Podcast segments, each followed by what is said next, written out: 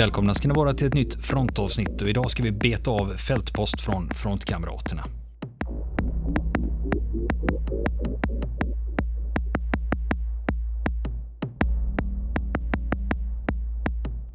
Och nu fortsätter vi med att beta av fältpost som har kommit in till frontens redaktion.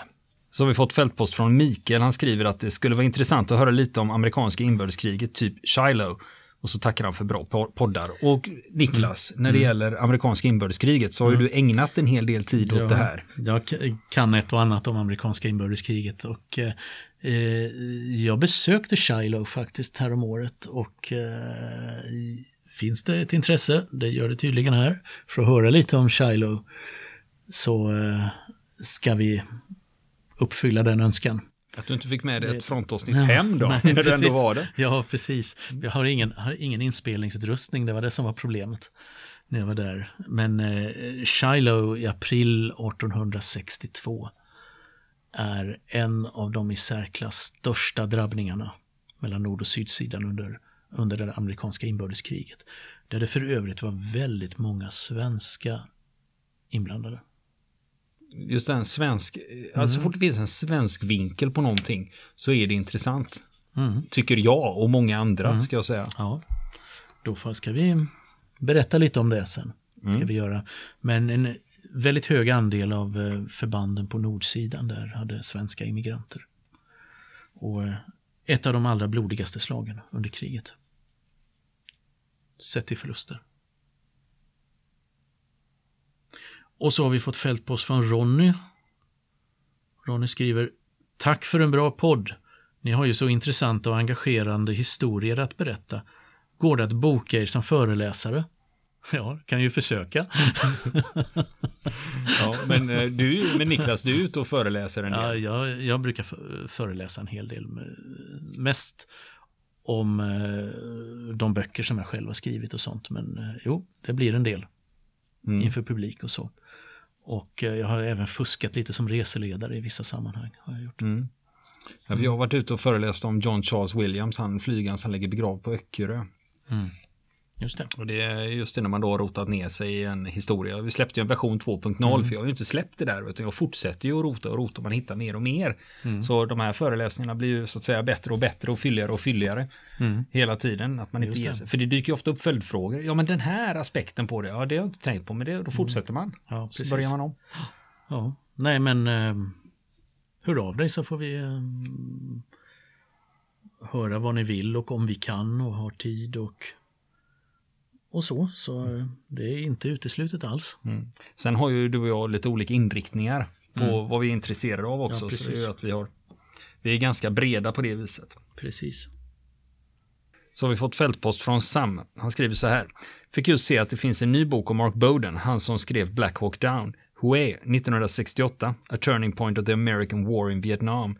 När jag läser recensionerna verkar den vara bra men mastig. Känner ni till om det finns bra men kanske inte så detaljerade böcker om tätt-offensiven på svenska eller engelska? Hmm. Som behandlar uteslutande tätt-offensiven eh, kan jag inga böcker på rak ah. Nej, inte jag heller. Men å andra sidan, mm. nu är det ju så här, så fort man pratar om amerikansk krigshistoria mm. så finns det alltid hundratals böcker mm. på varje enskilt ämne. Ja. Så jag kan inte, eh, jag, mm. jag, jag, kan faktiskt inte rekommendera någonting för jag har inte mm. läst något som enskilt handlar om tätt-offensiven. Mm.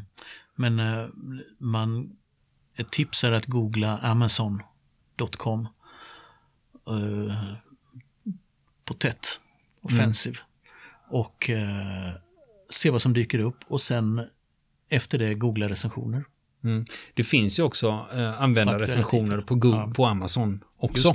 Ja, så redan där kan du välja att sortera utifrån vilka recensioner de har fått.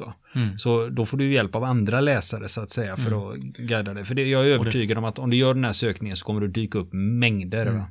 Och, och, flera av de här har ju också eh, den här funktionen att du kan provläsa. Man får eh, kanske kan läsa några sidor i början av boken för att skaffa sig en uppfattning om den. Det mm. brukar finnas på bokens sida. Mm. Eller göra det ännu enklare istället för att gå till Amazon. Bara börja på good books about Tet Offensive. Mm. För ibland så har folk eh, skrivit egna recensioner om de är bloggare och sånt. För en del har ju liksom specialiserat sig på att skriva om litteratur om Vietnamkriget. Och, då, mm. eh, och det finns ju experter oavsett vad det är man mm. funderar på. Så att eh, vi kan tyvärr inte hjälpa dig i alla fall. Nej. Men Marcus Medbergs bok Vietnamkriget är en bra introduktion och där han, han skriver om Tet-offensiven på några sidor. I alla fall, så det kan ju vara en bra början. Då får man den insatt i helhet, i hela skeendet så att säga också. Mm. Eh, då har vi fått fältpost från Roland som skriver Tipsar om tv-serien Elitstyrkans hemligheter. Jag har sett två säsonger och hittills verkar det vara psykopater, översociala och gamla kåkfarare som verkar passa in på kriterierna. Ja, jag såg eh, första säsongen av den här och det bygger ju på att de har ju tagit gamla SES-veteraner mm. och så sen söker de då deltagare till en tv-show där ja. de då får prova och då använder de sig av samma metoder för, de säger i alla fall det, att de använder sig av samma mm. urval som man gör i det riktiga SES. Så det är ju mm. inte det att eh, de som vinner här blir per automatik rekryterade i SES. Det är ju inte det det handlar om utan mer att man ska få en förståelse för hur de här ur, urvalskriterierna kan gå, gå till. Utöver det rent fysiska så förekommer det även förhörsmetoder och sånt där de mm. då ser hur länge de håller. Och, mm. Den mentala eh, styrkan i det hela. Det ja. Så den är intressant ur det perspektivet. Men det är ju alltså, det är ju, just det, det är ju inget pang-pang va. Det är ju Nej. inte det att de ska ligga på skjutbanan eller vara ute och kriga på det här viset, utan det är ju andra utmaningar som de ställs mm. inför och det är ju tufft va. Det ska ja. man ju inte sticka under stol med. Och sen får man ju också flagga lite för när det gäller britternas egna fascination för sina egna specialstyrkor är ju enorm. Mm. Så, så fort det står något, uh, att det är CS eller SBS mm. eller Paras eller någonting mm. så direkt så vaknar ju de till. Va? De hajar till direkt. Va? Så de åtnjuter väldigt hög respekt mm. i det landet. Va? Och det, det. det är de ju värda också. Just det. Så att eh, det är ju ett sätt att, så att säga, slå mynt av det här. Och sen vet jag att en av de här gamla SES-veteranerna, Ant, som är med där, han har gått vidare och fortsatt lite som programledare i andra typer av överlevnadssåpor då. Så att han har ju blivit en liten tv-personlighet då. Mm. Så att, eh, men den är ju, det är ju en, ett, for, ett tv-format som uppenbarligen fungerar och som har sin målgrupp. Mm. Just det. Och så har vi fått eh, fältpost från Daniel. Han skriver så här. Jag har följt er sedan 16 juni 2015 och lyssnat på varenda ett av era avsnitt. Det var inte dåligt, vi började ju 17 mm. maj 2015. Oh, ja, ni har det... en av veteranerna. Han har varit med länge. Ja. En riktig veteran, Daniel. Eh, ni har den senaste tiden verkligen startat ett starkt intresse för Falklandskriget och ännu mer nu efter gårdagens avsnitt. Det var ett tag sedan han skrev till oss. Men nu till min fråga. Vet ni om det finns några bra spelfilmer eller serier angående konflikten? Har sökt lite men utan något bra resultat. Ja, och det beror ju helt enkelt på att det har producerats väldigt, väldigt lite spelfilm och tv-serier om mm. det här.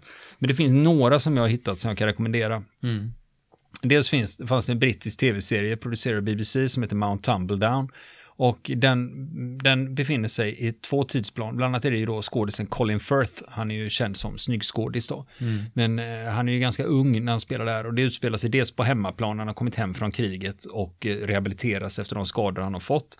Och sen är det då en parallell tidslinje då. När man då får se delar av slaget av Mount Tumbledown som var ett väldigt mm. Som var ett eh, eh väldigt, mm. ja, var ett väldigt blodigt slag, ungefär i likhet med mm. Mount Longdon. Uh, och där, där, klipper de lite, så det är liksom, in, man, jag skulle egentligen vilja klippa om den helt så du har liksom Falklandsscenerna i en mm. följd, och, så man inte klipper, det blir de här tidshoppen hela tiden, som jag kan tycka är lite enerverande. Uh, så den, jag tycker den skulle tjäna på en omklippning, så har du i alla fall någonting att utgå ifrån. Sen finns det en annan film som är också BBC, det är faktiskt en tv-film som heter An Ungentlemanly Act. Och den är eh, mm. lite intressant, för den utspelar sig nämligen under första dygnet eh, när argentinarna invaderar, det vill säga den 2 april 1982. Och eh, då får man då se vad som händer med guvernören där, Rex Hunt och eh, de brittiska soldaterna. De hade ju 60 stycken Royal Marines på plats som skulle då ta strid mot argentinarna. Och eh, i efterhand så har jag pratat med en författare som har skrivit en bok om det här. Mm. Han heter Ricky Phillips. Jag la ut en intervju med honom. Och eh, där han vänder upp och ner på den här bilden och de soldaterna, de här veteranerna som var med där nere, de säger att den här filmen inte ger en sann skildring. För den officiella versionen har ju varit att tre argentinska soldater mm. blir sårade och en argentinsk soldat stupar. Men enligt mm. Ricky D. Phillips och de eh, veteranerna han intervjuat så stämmer inte det här. Va? Utan den här striden pågick i flera mm. timmar och britterna avlossade mer än över 6000 skott finkalibrig eld. Och de har dödat mellan 50 och 120 argentinska soldater, men det här har sopats under mattan av både Argentina och Storbritannien, som var nöjda med hur invasionen mm. hade gått till med de här otroligt låga förlustsiffrorna och att inte stupa några britter överhuvudtaget mm. just den 2 april.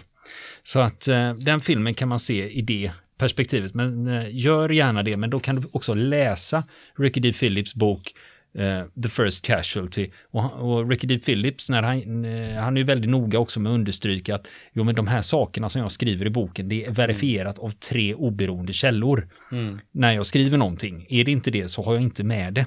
Mm. Men sen är det självklart att jag måste ur, liksom, ur ett berättartekniskt perspektiv berätta det ur någons synvinkel. Men de sakerna jag skriver i boken, de är bekräftade av mm. tre olika personer. Eh, så då kan du se filmen och läsa boken eh, så du får en uppfattning om det. Sen finns det också en bra dokumentär på YouTube som heter Falklands War, The True Story. Det är en brittisk eh, dokumentär som sammanfattar kriget ganska bra. Och det är både markstrider eh, och fartyg och flygstrider då som det handlar om. Sen när vi tittar på spelfilmer, så för flera år sedan så kom det en eh, argentinsk film som heter Blessed by Fire, Illuminados por el Fuego. Vi har recenserat den i ett enskilt frontavsnitt och vi har pratat mer om den som utspelar sig i nutidens Argentina och sen med tillbakablickar då. Men eh, förra året så kom det en som heter Argentino Soldado, en argentinsk spelfilm där man faktiskt hade lagt ner lite mera eh, mm. energi på, eh, på scenerna och liksom ha med landstigningsbåtar och landstigningsfarkoster och, och mm. sådant. Mm. Och den är också svår, lurig att få tag på, men om man letar lite mm. så går det faktiskt att få tag på den. Så det, det jag skulle ju helst, som Falklands-fan höll jag på att säga, så mm. skulle jag gärna se fler filmer, för det finns så många olika aspekter på det här som skulle förtjäna Mm. En, eh, som skulle förtjäna en egen spelfilm. För det skulle, det skulle kunna bli bra. Men det är de fem tipsen på rak arm som jag har. Mm. Och sen har vi fått post från Thomas. Och han har en fråga. Vilken är bäst? Av Das Båt eller Jakten på Röd Oktober? Ja, det, det Vilken är bäst? Han visste ju svaret redan när han ja. skrev det. Ja, det är ju Das båt. Ja. det, det, det, är ju den bästa ubåtsfilmen. Ja, det är klart. Mm, nu är det så här att det är bra att veta att den här finns ju på Netflix om man vill komma åt den lätt. Men den mm. har ju också gått som miniserie. Och mm. då var det ju 300 minuter. Alltså, mm. och det är fem timmar. Ja. Fem timmar Das båt som man ja. kan sitta och grotta ner sig i. Och i en film där det händer nästan ingenting. Men det är så olidligt spännande. Ja, och den tog tre år att spela in ja. eh, den här filmen. Mm. Eh, men nu senare i år, 2018, då kommer det komma en nyinspelad miniserie som heter Das Boot. Det är en sequel då, en uppföljare. Och den eh, ska då ha premiär. Det är ett tyskt bolag som är med och spelar in den med flera olika samarbetspartner. Mm. Och stora delar av den är inspelad på Malta och man pratar om åtta avsnitt och man har haft en budget på över 32 miljoner dollar. Och då får man ju hoppas att de i alla fall har lyckats med någonting. Ja. fast, fast, jag skulle ja. säga så här med tanke mm. på, vi vet ju om det här att massa mm. pengar är inte en garanti för att det blir bra. Va? Nej, Utan det handlar om att försöka få med sig den känslan mm. eh, som man hade i, och, och, man får inte glömma att Das Båt, den första filmen där från 81, mm. det var ju för Wolfgang Peterson, eh, mm. regissören, och Jürgen Pryknov som hade huvudrollen. Det var ju sådana här riktiga katapult, karriärkatapulter, den här filmen för dem. Att de blev ju liksom, ja, du vet mm. att, du säger, ja, vem är du då? Jag hade huvudrollen i Das Båt och vi som var kaptenen. Ja, jag skrev på här. det, det är liksom, eh, ja. så bra är det. Så nu får man ju hoppas på det. Just det, just det. Och det, eh, när vi ändå pratar om ubåtsfilmer så har jag hittat en rolig grej som är värd att ta upp. Eh, det, det, finns alltså en lista eh, av Kevin Hardy, en skribent som har en blogg som handlar om krigsfilmer. Han, han har satt ihop en lista som är sammanställd över de klichéer som används i ubåtsfilmer. Och han har alltså gått igenom 17 ubåtsfilmer och rankat dem utifrån hur många klichéer som används. Och jag lovar er, när jag, när jag räknar upp de här, ni kommer att känna igen dem. 1. Det är problem med maktstrukturen ombord på ubåten. Vanligtvis är det en maktkamp mellan kaptenen och förste styrman. 2. Ubåten måste gå djupare än vad den egentligen är konstruerad för, vanligtvis för att undkomma sjunkbomber och tydliga tecken är att det knakar i skrovet, små läckor och att nitar poppar loss. 3. Någon blir kvarlämnad på däck när de blir tvungna att dyka akut. Mest sannolikt är detta kaptenen. 4. Ubåten skickas iväg på ett specialuppdrag som avbryter besättningens permission. 5. En styrka landsätts från ubåten, vanligtvis för att spränga något. 6. För att stoppa sjunkbombning så släpper de ut olja, skräp och eller lik för att lura angriparna. 7. Kaptenen på ubåten är en Ahab-typ som är besatt av sin vita val, alltså uppdraget. Mm. Vanligtvis Moby för... Dick alltså. Ja, det kommer ju från boken Moby Dick. Mm. Och, eh, och vanligtvis är det här för att hämna sänkningen av hans förra ubåt. 8. Om det är en amerikansk ubåt så jobbar det en svart kille i mässen. 9. Ubåten utsätts för sjunkbomber minst en gång, som ofta är förvånansvärt precisa. 10. Ubåten åker igenom ett ubåtsnät eller ett minfält och ska det genom nätet så gör den det genom att skugga ett annat fartyg. Minfältet klarar de genom vanvettig tur, men om de åker igenom minfältet så kommer det en stålwire som håller en mina att skrapa mot skrovet. 11. Det behöver göras en akut reparation för att rädda ubåten, ett medicinskt ingrepp eller desarmera en sprängladdning. Är det en akut reparation för att rädda ubåten kommer en av besättningsmännen att offra sitt liv. Ja. Har ni sett den? Ja, det, Det här kom- låter bekant. Det kommer mera. Låter bekant. Det kommer mer. 12. Är det en amerikansk ubåt i Stilla havet under andra världskriget så lyssnar de på Tokyo Rose. Tokyo Rose. Ja, det var ju gjorde hon... Eh, engelskspråkig eh, japansk sändare. Exakt, Mm. exakt. Och sen 13. Ubåten sänker en jagare med en torped. 14. Det pågår ett svartsjukedrama mellan två besättningsmän på samma ubåt och en kvinna som befinner sig i land. Så det var 14 klyschor han hade kommit fram till och då hade han betat av 17 olika ubåtsfilmer. Jag ska inte räkna upp hela listan, men några är Subcommand, We Dive at Dawn, Torpedo Run, Operation Petticoat, Destination Tokyo och även Das Båt, Hunt for Red October, Crimson Tide, U-571 och Enemy Below. Och sen har han ju då, eh, men- för det kom ju nämligen en, en uppsjö av amerikanska ubåtsfilmer på, eh, på 50-60-talet. Mm. Som var väldigt, väldigt populära också. Och det blir ju också att det blev som en egen genre i sig. Mm. Det här. Och jag, jag tänkte så här, när jag läste den här listan med alla de här klyschorna, då tänkte jag så här, men herregud, här är ju ett färdigt ubåtsfilmsmanus. det är ju, det är bara, det är den bara är- synopsin är ju, det finns ju en färdig synopsis, det är ju bara att liksom skramla fram en ubåt och en kamera så är man igång. Och undervattensscenerna kör man ändå CGI. Det. Och han som har sammanställt listan, han heter Kevin Hardy och ni kan kolla in hans sida, den heter warmoviebuff.blogspot.com och de har också flyttat in på Facebook och där heter gruppen War Movie Lovers Group. Och det är ganska tydligt med ett sånt namn, det är ingen tvekan om vad det handlar om då. Va? Nej. ja, då har vi fått ett eh, fått, har vi fått fältpost från Jim. Och han skriver Bästa fronten, tack för fina program. Inte bara kvalitativ lyssning, Eh, utan också skönt att känna sig mindre ensam som nörd inom militaria. En fråga. Via slump så slog det mig hur omfattande och aktivt krigförande de kubanska förbanden var på flera skådeplatser i Afrika på 70 och 80-talet. Det där verkar väldigt intressant i, i min bok, men jag har svårt att få grepp om hur det var med kvalitet på förbanden etc. Tips om hur jag kommer vidare. Helst ett program såklart, men tips emottas tacksamt. Allt det bästa. Furir Jimmer Lindell. Mm. Och då är det ju så att eh, på YouTube, eh, alltså om man då ska sammanfatta eh, kubanernas inblandning i Afrika, de var ju i Kongo och Angola bland annat.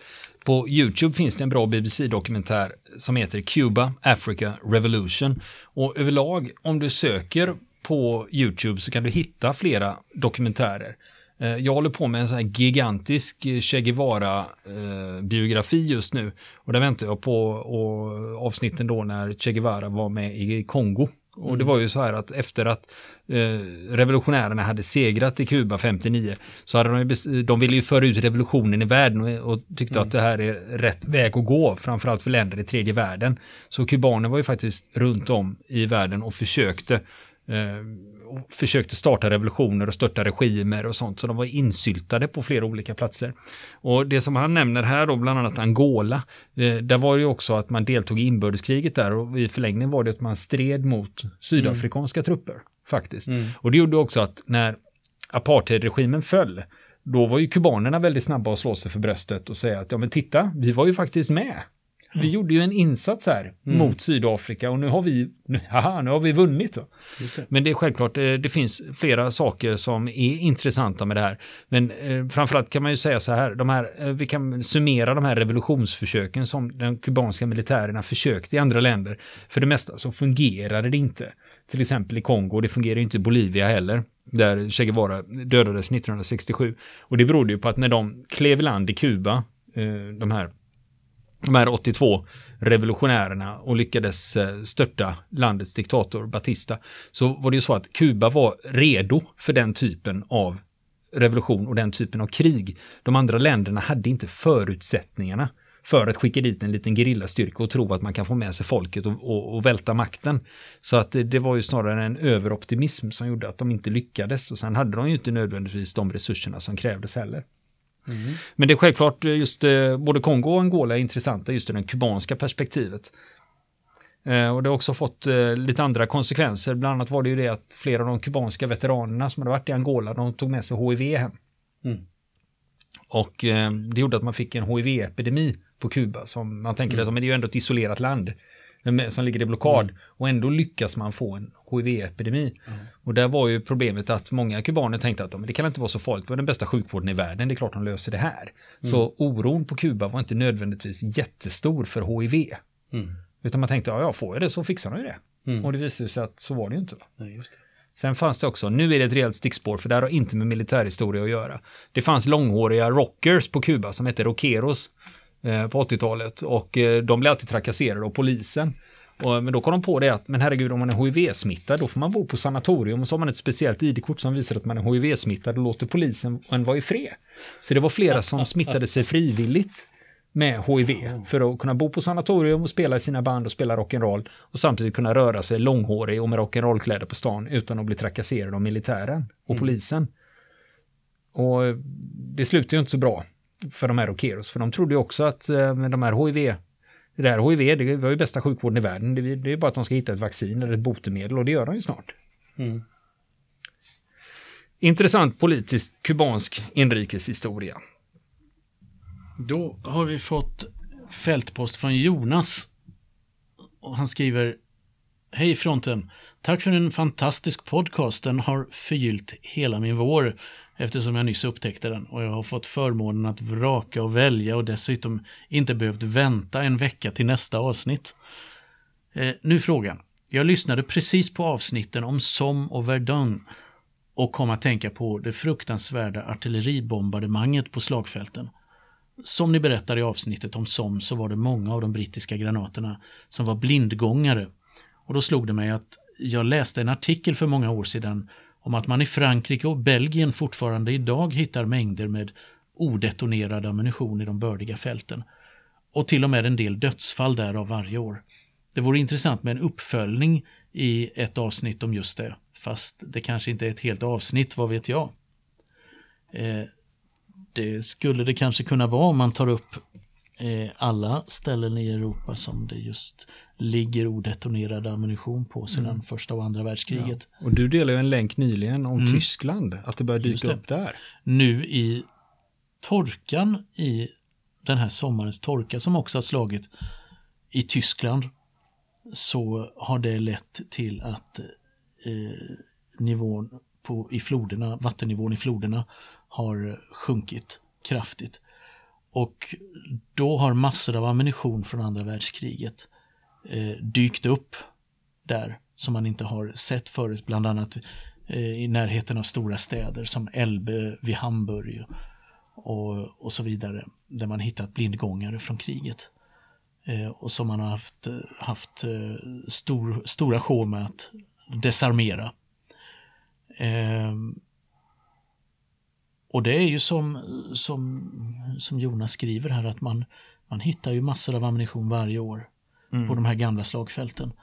Eh, och det är fortfarande områden som är off limits i Frankrike. Där du, man varnar för att eh, man ska inte ge sig ut i terrängen här för att här ligger fortfarande sedan första världskriget odetonerad ammunition. För det är ju en aspekt av det när vi då pratar om Mm. det här och Europa. Men sen har vi en annan fråga och det gäller ju minor. För Mm. det finns ju på väldigt många håll i världen minfält kvar som inte är röjda. El Alamein.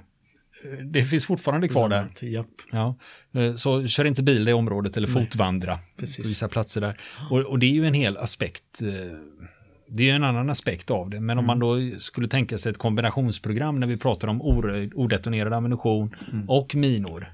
Då har man ju plötsligt en hel del att titta på. För det är ju ett gigantiskt problem på många platser i världen.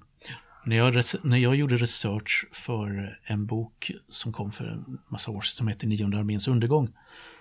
Som handlar om eh, eh striderna öster om Berlin 1945. Eh, sista försvarslinjen.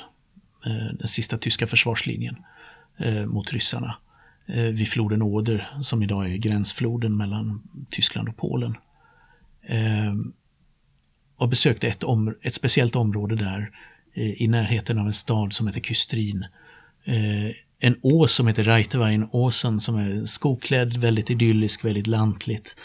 Eh, men där hårda strider hade stått under, under några veckor i slutet av kriget 1945.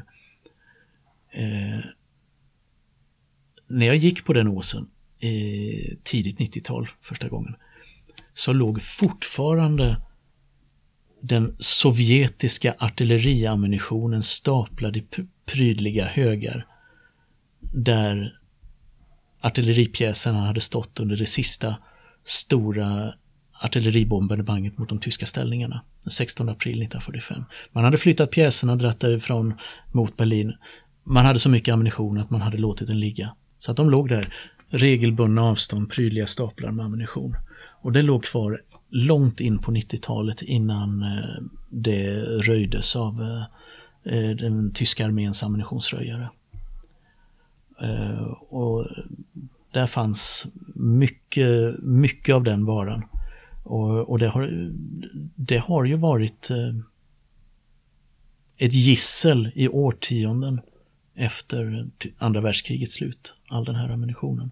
Som gör att så fort du ska bygga vägar i Tyskland eller delar av Polen eller du ska bygga hus eller något så får du ta dit desarmeringskommandon. För att de hittar nästan alltid någonting i olika städer. Mm. Ja, som ni hör, det finns mycket att berätta om det här. Och nästa vecka fortsätter vi att beta av fältpost från frontkamraterna. Vill ni komma i kontakt med oss så kan ni göra det via vår Facebook-sida som heter Fronten. Det är inga problem för er att leta er fram där. Eller också så mejlar ni på vår mejladress och det är frontenpodcast@gmail.com.